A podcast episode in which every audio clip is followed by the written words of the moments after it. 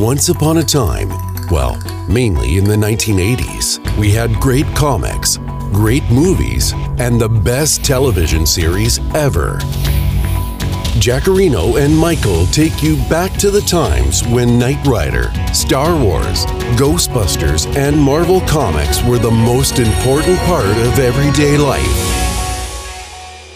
Jackarino loves Battlestar Galactica and still prefers to watch his movies on VHS. Michael is the author of the book My Buddy Spider Man Superheroes, Geeks, and Fan Culture and believes Spider Man is the greatest character of all time. These two retro archaeologists bring you Retro Smash, or as the Incredible Hulk would say it, Retro Smash, a monthly podcast about everything geeky and retro. Because we will never be too old for this shit. So get into the DeLorean and let's go back to the past.